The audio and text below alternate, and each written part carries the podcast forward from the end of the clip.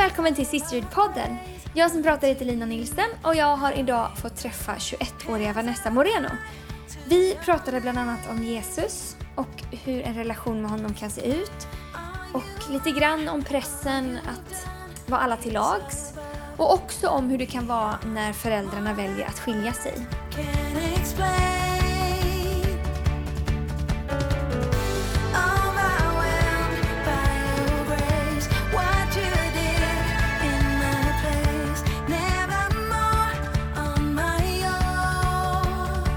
Jag välkommen till Vanessa Moreno. Välkommen till Sisterhood-podden. Tack Lina. Heter du något mer än Eh. Vanessa Moreno? Nej, eller jo, Vanessa Nathalie Moreno. Nathalie. Ja. Fint. eh, hur har din dag varit? Den har varit jättebra faktiskt. Solen är här, jag har varit i skolan. Ja, så det har varit bra. Vad härligt. Pluggat. Hur ser din morgonrutin ut? Min morgonrutin. Har du någon? Eh, ja, kanske mer tydligare på senaste tiden faktiskt. Jag brukar gå upp på morgonen. Jag har alltid fixat kläderna innan så att jag inte har panik på morgonen. Så kan man bara klä på sig dem. Ehm, sen så brukar jag göra kaffe, eh, dricka min kopp kaffe. Ibland tyvärr är jag lite dålig med att hinna äta. Det blev en banan i morse. Och sen så brukar jag göra min daily devotional på morgonen faktiskt. Så då har jag ja, en bok som jag håller på att läsa just nu. Och eh, brukar läsa lite bibel och sen har jag en eh, speciell bön som jag brukar be varje morgon. Var har du fått den bönen ifrån? Har du Eh, hittat på den själv? Eller Det är en, bland, en kombination av att jag har hittat på lite och sen var det faktiskt en podcast som jag lyssnade på för em, ja, några månader sedan som det var en, en ledare då som pratade om vikten av bekännelser och att eh, tala in saker i ens liv varje dag. Så då blev jag så inspirerad av det. Så då tog jag lite av de sakerna och sen gjorde jag det till min egen. Så eh, Vill du säga vad du Ja. ber? absolut. Jag ska bara, sen får jag brain freeze nu när jag ska. Kommer du ihåg Ja. ungefär? Nej men det jag brukar säga är att eh, jag älskar andra människor och tror det bästa om dem. Eh, Gud som är på min insida är så mycket större än omständigheter och alla andra begär. Ehm, att Jesus är i centrum och min drivkraft till allt det jag gör. Och det är vad jag gör efter att jag har gjort mitt bästa som gör skillnad. Och varje dag vågar jag göra nya saker och drömma större. Det brukar jag säga varje dag. Fy vad bra! Ja. Vilken morgonrutin. ja. Det går ju snabbt att säga, men det är bra att påminna sig. Ja, väldigt bra. Eh, om du ska beskriva dig själv med tre ord. Beskriva mig själv med tre ord. Ja. Ehm, jag skulle nog säga att jag är glad. Eh, jag skulle säga att jag är driven. Och eh, bestämt tänkte jag säga. Ja, jag tror det. Du säger ju det. Stå för det, äger. Jag står där, jag äger. Eh, får fråga, finns det någonting du stör dig på? Oj. ja, mycket tänkte jag säga. Ja, tyvärr. Nej, men jag drivs ofta av frustration väldigt mycket. Det är sån jag är. Så det väl, finns mycket som jag stör mig på. Eh, nej, men en sak som jag stör mig på är väl eh, när saker inte blir som jag tänkt. Då kan jag bli störd på det. Och det är väl något man får jobba på. Det kan vara både bra och dåligt. Men ja, så det är en sån sak. Så du har beskrivit dig själv med tre ord, men om du skulle beskriva drömmannen med tre ord. vad skulle du säga då? Bara tre? Bara tre. Men hjälp, ord. Bara ord, okej? Ja. Eh, jag skulle nog säga rolig, viktigt, humor, Mm. rolig. Eh, ehm, jag vet inte vad man ska kalla det, men kallad. Alltså någon som vill göra samma sak som jag. Mm. Behöver inte vara, se exakt likadant ut, men någon som älskar att bygga Guds hus, älskar Jesus. Mm. Och den tredje skulle jag säga äkta. Det är viktigt att han är sig själv, han är äkta. Bra grejer. Eh, vilken glass kommer du välja i sommar? Har du någon sån favorit? Ja, faktiskt. Den är så god. Brynt smör. Va?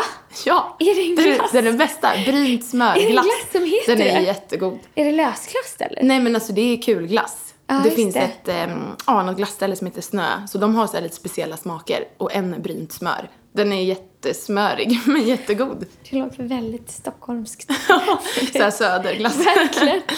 Ja. Okej. Om du skulle ha en superkraft, vilken skulle du välja då? En superkraft. Eh, svårt, men jag... Nej, men jag skulle nog säga... Det, ja, nej, flyga. Alltså det... Jag med! Det, Det vore ju så grymt, Eller hur?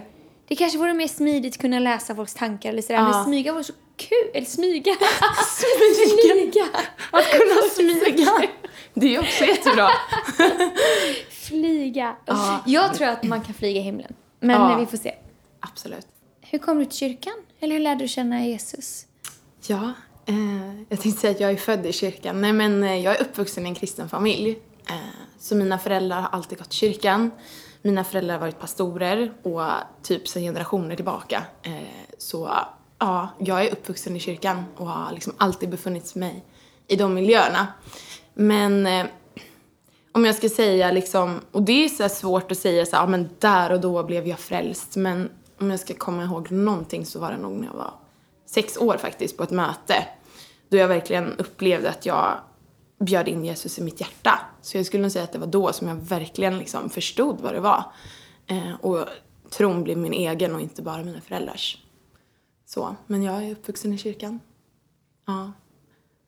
Hur ser din familj ut? Jag älskar att få den här frågan. Ja, eh, jag har en mamma och jag har en pappa. Eh, min pappa har en fru och hon har tre barn, tre döttrar. Sen har jag en mamma som har en fästman som har tre barn. Och sen så har jag min storebror. Så vi lever liksom inte i någon mormonfamilj utan jag, det, är, det är liksom, ja. Men vilka bor du med? Jag bor med min mamma nu, inte länge till, för jag flyttar hemifrån äntligen. Men ja, så jag bor med min mamma just nu. Eh, och så. Eh, men eh, din mamma och pappa har varit gifta tidigare? Eller? Ja, exakt. Så min mamma och pappa, ja, de gifte sig när de var unga, så var de gifta eh, med mig och min storebror då, som är, ja, barn till mamma och pappa. Men när jag var tio år så skilde sig mina föräldrar. Eh, eller separerade, det var väl en process. Eh, och ja, och sen dess då så har det väl utvecklats på två olika håll. Eh, med nya familjer och familjemedlemmar och sådär. Med, ja. Hur, hur var det när de separerade? Ehm, ja, alltså jag hade nog alltid... Jag hade faktiskt många vänner runt omkring mig som hade folk som var föräldrar som var skilda. Um, så jag hade ändå sett det, men jag tänkte att det där uh, kommer aldrig hända min familj. Man tänker liksom att det där är så långt bort. Um, så, så att... Uh, och inom kyrkan hade jag faktiskt, kände jag ingen, tror jag, vad jag kan komma på, som hade skilda föräldrar. Så alltså det var ju väldigt nytt. Ehm, men så det är klart man blir väldigt ledsen. Eh, så, Kommer du ihåg när de berättade det för dig? ja, det gör jag verkligen. det var på en, eh, en söndag, söndag eftermiddag. Eh, och eh, ja, kom ihåg att vi satte oss som familj och mamma och pappa berättade att de skulle skilja sig. Och ja, då kommer jag ihåg att man tänkte att ah, men så här, det, här är, det här händer inte på riktigt. Det var som att man var i någon slags låtsasvärld typ. Eh, ja, och då kommer jag ihåg, då blev jag jätteledsen såklart. Eh, och så. Men jag och min bror, vi reagerade nog ganska olika. Han är nog mer bara stänga av liksom. Men jag är väldigt uttrycksfull. Eh, så att, ja. Ledsen och orolig skulle jag säga. Berättade de varför? Eller kunde du förstå varför? Ja, nej men. Då, när du var ja. så liten? Nej, men det var... Ja, men jag tror faktiskt att jag förstod så mycket. Man tänker väl ändå en tioåring, vad kan den tänka eller förstå? Men jag tror att man som tioåring ändå är väldigt medveten om saker, har snappat upp saker och känt av saker. Så på ett sätt var det ju inte helt out of the blue. Alltså det, man har ju ändå en känsla att saker och ting inte är 100% bra. Eh, och så. Så men, men mina föräldrar var verkligen jättetydliga med att poängtera att ja, men, att vår familj är fortfarande vår familj, bara att den kommer se väldigt annorlunda ut. Och att vi kommer få, ja, ja, det kommer inte bli alltid som man kanske hade tänkt sig. Ehm, men så att jag skulle nog säga ändå att jag vet inte om man kan säga det på ett bra sätt, alltså det vet jag inte Nej. om man kan, men, eh, men jag tror ändå, ja, de gjorde det de kunde. Och sen, vem var det som flyttade? Flyttade ni alla till nya ställen? Eh, mamma flyttade först. Så mamma bodde inne i stan ett tag. Då bodde vi kvar med pappa i huset. Ehm, och då Hur var kom- det? Ah, det, var, det var jobbigt såklart, men jag har alltid bott med båda sina föräldrar hela tiden, liksom hela livet. Så vi var väldigt, väldigt annorlunda skulle jag säga. Eh, Fick ni välja vem ni ville bo hos? Eller var det liksom att hon flyttade? Eh, nej, hon flyttade in till stan för en tid tills hon hade köpt en lägenhet som vi alla kunde bo i, jag och min bror och mamma då. Ehm, så sen när hon flyttade så sålde vi huset och pappa flyttade och då bodde vi varannan vecka. Kände du någonsin att du behövde välja mellan mamma och pappa? Nej, det tycker jag inte. Jag tycker att... Jag tycker alltid att de har varit tydliga med att det inte är... Eh, ja, men det spelar ingen roll liksom. Deras kärlek för mig är inte beroende av eh, liksom hur, vad jag väljer egentligen. Eller hur jag vill göra det. Ehm, så sen är det klart att jag själv som person är väldigt, på ett sätt, prestationsperson. Så jag vill ju alltid vara så enkel som möjligt för mina föräldrar i och med att det var en väldigt stor omställning för dem. De kanske inte mådde på topp då heller liksom. Så man försökte alltid underlätta för dem och inte ställa till så mycket problem. Ehm, Så på det sättet var det kanske inte att jag valde så, men jag försökte ändå alltid att plisa, eller vad man ska säga. Eh, Jag tror inte att det kommer från deras håll, utan snarare från mitt håll. Uppföra dig så bra som möjligt för att liksom vara så bra som möjligt och sådär. Men kommer du ihåg, var det... Låg du och grät på kvällarna eller var det liksom bara någon, något på insidan som inte kändes bra? Eller Nej, alltså det var ju verkligen, ja, verkligen mycket man grät och verkligen främst kanske var orolig. Jag var väldigt orolig eh, och arg. Eh, Vad var du orolig jag- för? Ja, orolig för framtiden främst skulle jag säga. Orolig för hur det skulle gå för mina föräldrar. Skulle de leva ensamma? Eh, ja, jag vet inte, jag tänkte på allt möjligt sånt där faktiskt. Orolig för min bror, ehm, hur han mådde. Så att, ja, jag skulle nog säga att jag var främst kanske väldigt orolig. Och, ja, Det låter ju som att du tänkte väldigt mycket på alla andra. Hur det var för mamma och pappa, att du skulle liksom göra det så lätt som möjligt för dem och hur det var med din bror och sådär. Så gav du inte dig själv utrymme? Eller tog du mycket på dina egna axlar? Ja. Jag tror nog att jag stängde... På ett sätt var, tryck, uttryckte jag ju mig ganska mycket för att jag är uttrycksfull med mina känslor. Men jag tror mycket som jag också behöll på insidan, som jag inte delade. Mina oroligheter, saker som jag var ledsen för. Man grät själv, man vill inte... Ja, mycket så. Eller för mina kompisar som jag grät med och så. Um, men främst kanske Gud, skulle jag säga. Han, ja, han har verkligen burit mig jättemycket. Så du hade en tydlig relation med honom då när du var tio? Och... Ja. ja, men det skulle jag verkligen säga. Att ja, under perioden skilsmässan var och allt sånt, att det var... Det blev mycket mer så här... Inte att mina föräldrar lämnade mig, men att man blir på ett sätt lite så här... Okej, you're on your own. Alltså nu är det du och Gud. Eh, kan inte helt lita på att allt är som det alltid har varit eller att alla rutiner ser ut som det har sett ut eller att man åkt till kyrkan exakt samma tider eller samma söndagar utan jag blev beroende av att själv leda mig till den platsen eh, där jag kastade mig fullt ut på Gud. Och på ett sätt är jag jättetacksam för det för att jag tror inte att jag hade varit där jag är idag i min relation med Gud om jag inte hade haft de stunderna i mitt liv. Så du var inte arg på Gud för att det hände utan du, du mer hade honom som ett stöd? I början var jag nog ganska arg och främst kanske besviken. Men jag kände att ja, det tar en ingen vart. Eller man mår inte bra av att känna så. Eller ja, gå runt med den ilskan på insidan. Så det var faktiskt ett möte som jag var på som jag kände att, och då hade de pratat om förlåtelse faktiskt. Predikade om förlåtelse och jag bara, jag tänkte inte ens på att jag behövde förlåta någon på något sätt men jag kände ändå i hjärtat att okej men det här handlar ju om dig, du måste förlåta. Och jag tänkte så okej vem är det jag behöver förlåta? Men då insåg jag att jag på insidan hade oförlåtelse mot mina föräldrar, mot situationen, mot Gud. Och då, då fick jag bara lämna det helt och hållet till Gud. Då var jag, ja, då var jag 11. Ehm, och efter det tror jag det vände. Wow. Men då bodde dina föräldrar långt ifrån varandra? Nej. Min Eller bodde du nära pappa- skolan? Ja, min pappa bodde i Märsta eh, och min mamma flyttade till Rosersberg så det var liksom en tågstation ifrån. så det var ju lite så här pysslande att lära sig att åka pendeltåg och buss och så. Eh, men det gick ju jättebra. Eh, Hade då, du kompisar i där du bodde? Eller var Nej. det kompisar från skolan? nej, jag hade ingen, jag kände knappt någon där vi bodde hemma hos mamma i alla fall. Där kände jag ju ingen. Hemma hos pappa hade jag ju vänner för det var ju där, han flyttade väldigt nära där jag var uppväxt. Så där hade jag ju folk som gick i skolan och väldigt nära och så. Eh, Men sen bytte jag faktiskt till en skola i, eh, som ligger lite längre bort, dit mamma sen också flyttade. Och där hade jag ju jättenära till skolan. Och då flyttade jag och bodde bara hos mamma.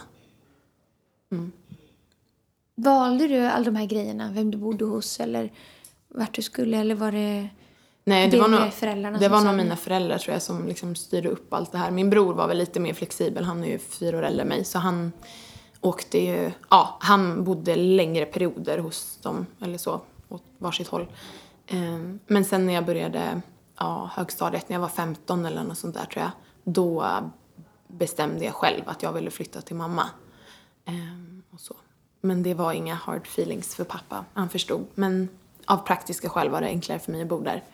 Och skönare att bara ha ett ställe som man kan landa på. Så du var, när du... du var du ensam barn då kan man säga, ibland? Ja, Alltså hos den ena föräldern när inte din brorsa var där. Plötsligt hade du inget syskon heller. ja exakt. Och på ett sätt har det byggt min relation med mina föräldrar väldigt starkt. För att jag har ju lärt känna dem på ett helt annat sätt. Man har ju väldigt odelat fokus. Ja. Eh, så att när jag har varit med pappa själv, jag har gått på bio och gjort massa saker och verkligen kunnat hänga och prata om saker.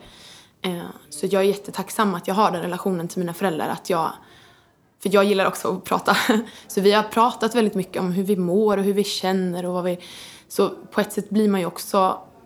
Man är ju ändå deras barn men det blir ändå mer också som en vän kanske att man kan dela saker med varandra. Och min mamma har ju verkligen blivit min bästa vän. Eh, så vi har ju verkligen kommit nära varandra av det. Och så. Vad skulle du säga är den största kampen som du har haft på insidan? Som du har behövt brottas med? Ehm, Och det om det, om det liksom kommer ut från det här eller om det är något annat? Tror att det är en, kanske en röd tråd genom hela mitt liv.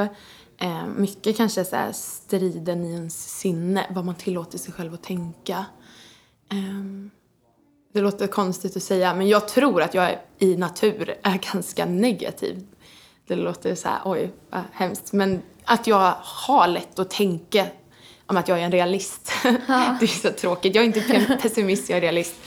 Eh, men det har jag verkligen jobbat med. Att inte fastna i det. Speciellt efter skilsmässan och allt. Att inte tillåta sig själv tänka vissa saker om framtiden. Inte tillåta sig själv tänka saker om sig själv eller om andra. Um, och främst kanske för att jag också har haft mycket utmaningar med att jag är väldigt prestationsinriktad. Att jag liksom måste göra saker bättre hela tiden. Jag är väldigt hård mot mig själv.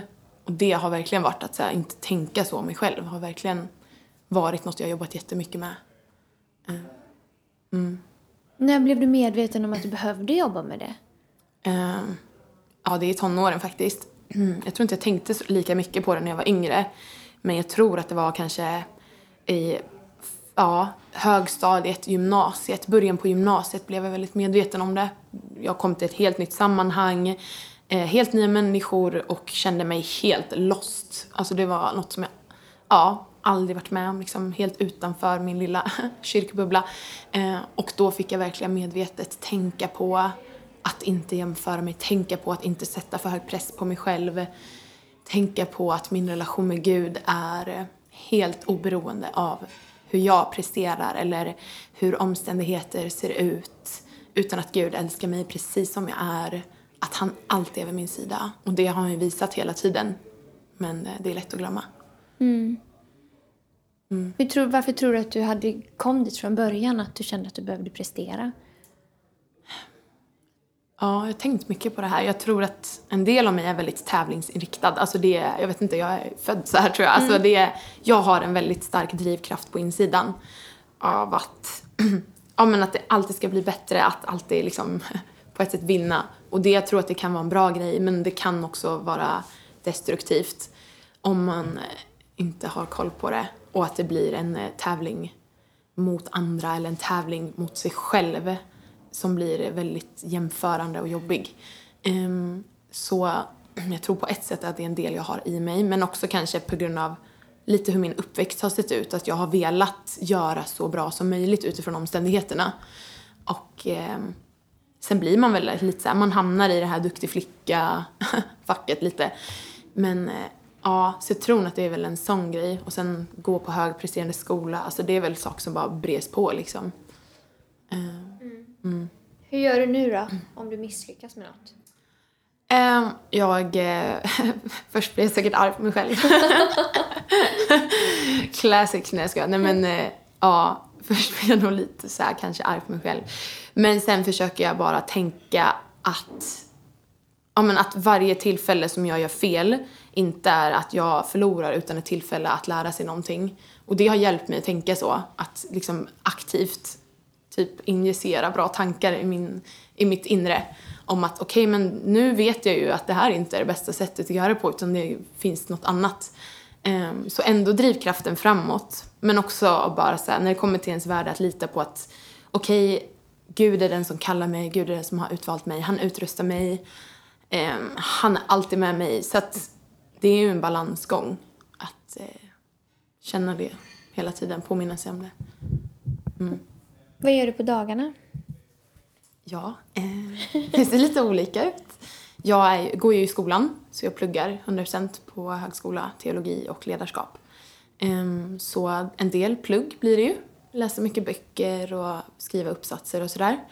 Eh, och sen så är jag en del här på kontoret, eh, kyrkan. Ehm, och får, eh, ja, träffa fantastiska människor, ungdomar, eh, jobba med vårt ungdomsarbete och annat eh, sånt, bygga relationer. Ehm, så det på ett sätt kan det ju se väldigt olika ut. Mycket träffa människor, ibland blir det lite mer sitta och planera framför en dator. ja, så det är lite olika. Men ditt jobb i kyrkan, det gör ju att ibland så står du på scenen och talar inför människor. Ja, Vad tycker du om det? ja väldigt nervöst faktiskt. Jag är ja, alltid jättenervös. Ehm, verkligen. Sen tror jag att man blir mer trygg i det på ett sätt också. Till skillnad från när det var första gången. Men det är ju alltid, man vill ju bara liksom dricka en hink med vatten. Jag är helt torr i munnen.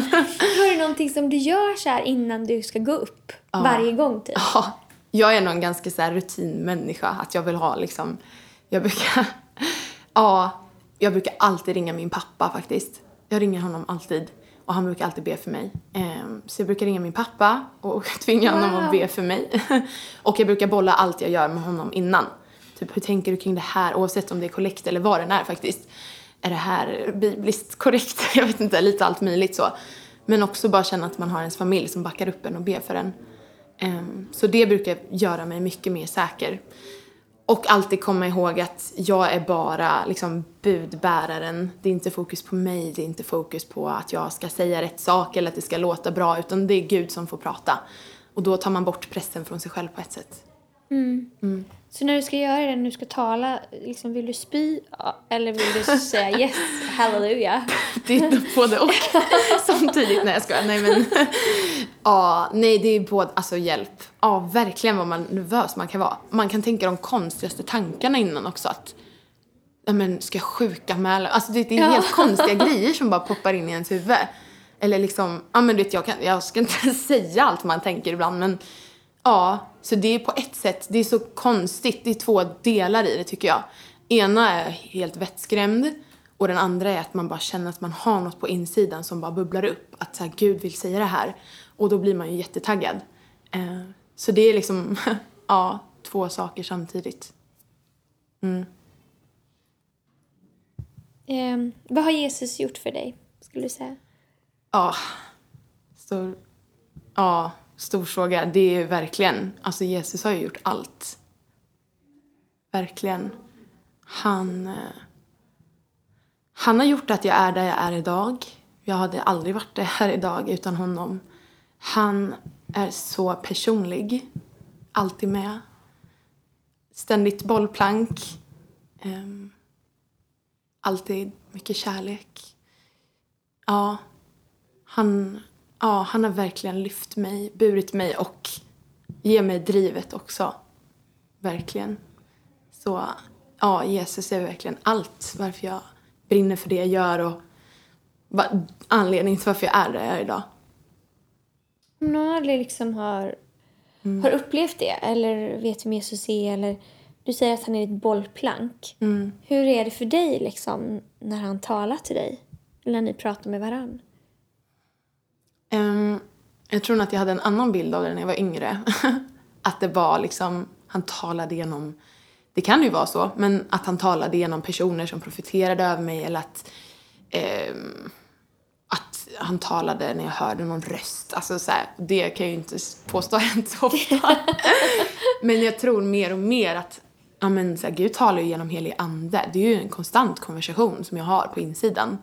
Att Gud kan eh, i så små saker egentligen, både stort och smått. Att han, han eh, sätter liksom tankar i, i mitt inre som jag inte kan släppa. Saker som får mig att bara, nej men varför tänker jag det här? Ja men det är kanske för att jag ska agera på det. Ibland kan man ju inte vara 100% säker. Då får man bara köra och sen kan det bli bra eller mindre bra.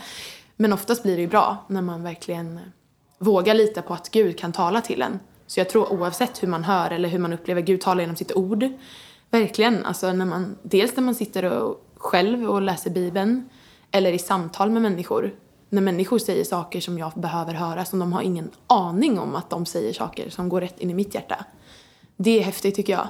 Och det kan handla om vad som helst egentligen, men saker som fastnar på ens insida. Så jag skulle säga att om man är öppen för att höra Guds röst så kan han tala på många sätt. Eh, har du något favoritbibelord? Ja, det har jag. Um, mitt favoritbibelord är Jeremia 29, vers 11. Där det står att jag vet vilka tankar jag har för er, säger Herren. Nämligen fridens tankar och inte ofärdens, för att ge er en framtid och ett hopp. Um, och det tror jag verkligen har varit något som har burit mig mycket under hela min uppväxt. Jag har läst det under skilsmässan, under, ja, typ hela liksom mina tonår. Ett bibelord som jag verkligen stått på. Att Gud vill inte oss olycka. Han vill inte att, vi ska, att det ska gå dåligt för oss. Eller han vill inte att saker ska hända oss. Men ibland gör det det. Men det handlar ju inte om att det aldrig kommer hända utan vad, hur reagerar vi på det. Och att, jag menar, att Gud verkligen säger att han, han vet vilka tankar han har för oss. Och det är så tryggt att veta att ja, ibland känns livet ensamt. Eller det man gör ensamt. Men att lita på att Gud alltid, han vet vad han gör. Han vet vad han, han har liksom hela våra liv i sina händer. Och att han inte bara har en framtid, utan att han också har ett hopp. Som vi kan stå på, som vi kan ge vidare till andra. Det, ja, ja jag älskar det bibelordet. Jag med. Om du skulle ge ett råd till dig själv för tio år sedan, vad skulle du säga då? Hur är- gammal var du för tio år Jag är sedan? 21 så jag var 11. Det var nog mitt i, i skilsmässan då för tio år sedan. Ehm, jag skulle säga att, att lita på Gud. Att fortsätta, fortsätta slänga dig på honom och inte vara orolig. Att inte oroa sig för så mycket utan att det du tror idag är det jobbigaste du har varit med om kommer Gud kunna använda för eh, välsignelse för så många andra ungdomar och människor runt omkring dig. Ehm, och att han har allt i sin hand. Det skulle jag säga. Vad drömmer du om? Jag drömmer om mycket. Ehm, men jag känner samtidigt att det är ofta man drömmer om. Gud överträffar alltid det på något konstigt sätt. Så det känns ändå så här. Ja, nej men en sak som jag verkligen drömmer om. Jag ska tänka liksom snar framtid. Det är faktiskt summer camp. ehm, jag drömmer om att vi ska kunna, att det inte bara ska bli ett bra läger som vi gör liksom de, vecka 32, de datumen, utan att det verkligen ska få ha en, ett stort inflytande på ungdomars liv. Att de ska gå därifrån inte bara förvandlade utan också gå hem och förvandla sin omvärld. Ehm, det drömmer jag om. Ehm, ja, och att mitt boende nu då ska bli en eh, mysig fikaplats för många härliga samtal med människor. Grymt. Tack Vanessa för att jag fick prata med dig idag. Tack Lina.